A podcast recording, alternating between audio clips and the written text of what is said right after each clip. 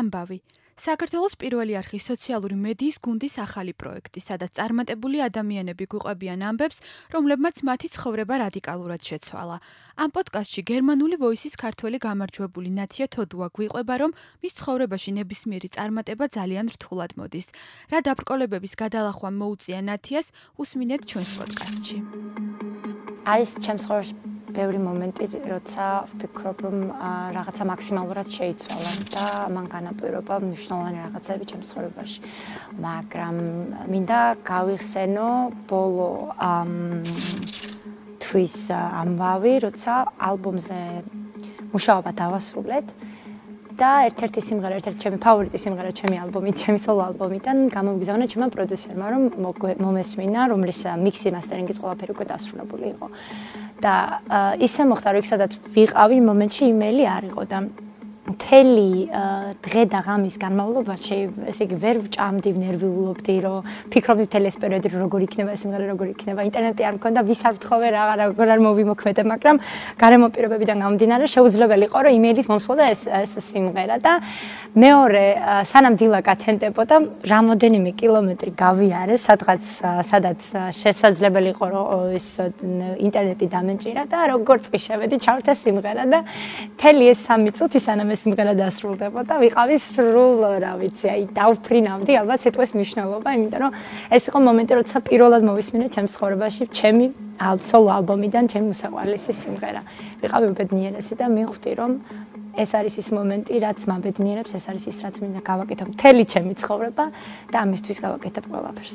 ჩემი გამოცდილებებიდან გამომდინარე, ვფიქრობ, რომ ის პიროვნება ვინც ვარ მე დღეს ის მიზნები რაც მე მაქვს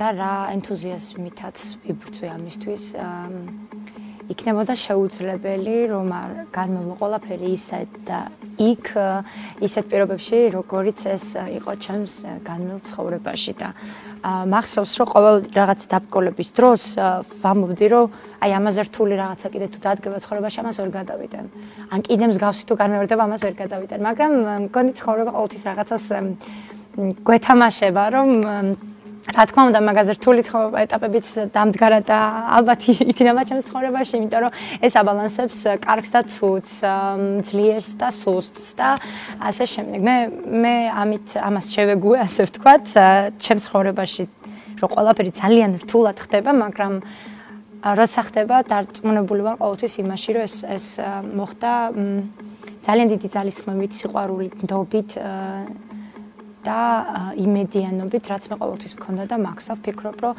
ეს არის ის, რაც დამეხმარა ძალიან იმ ყველაფერში, რაც მე დღეს გამაჩნია. იმის თქმაში, რომ მე ვარ ნათია თოტვა და მომღერალი. მე გეტყვით ესეთ რაღაცას, რაც ყოველთვის მithქვამ ჩემი თავისთვის და დღემდე ვეუბნები. ამ თუნდაც იმ წლებში, როცა მე არანაირი შესაძლებლობა ან იმედი შეიძლებოდა რომ არ მქონოდა იმისთვის, რომ მეფიქრა მომღერლობაზე, მუსიკოსობაზე, ან წარმატებაზე, მარტო რომ დავრჩებოდი ჩემთან ლაპარაკობდი. ყოველთვის ლაპარაკობდი ხმამაღლასი, ხმამაღლად იმას, რაც მინდოდა რომ ქონოდა. და არ მრცხვენოდა, ან არ ვერიდებოდი იმის აღიარებას, მიუხედავად ჩემი პირობებისა და შესაძლებლობებისა, რომ წარმომედგინა ის, რაზეც ვოცნებობდი და ეს ყველაფერი ხდება. უბრალოდ ვფიქრობ, რომ ჯერ საკუთარ თავს უნდა დავაჯეროთ, საკუთარ თავს უნდა ვუთხრათ აუცილებლად და დავწმუნდეთ იმაში, რომ ეს ის არის, რაც რაც უნდა მოხდეს და ეს აუცილებლად მოხდება. ამიტომ თქვი, ბევრჯერ თქვი, აი მეორე, კაი მეორე და ეცადე რომ ეს ყველაფერი გამოვიდეს ისე როგორც გინდა.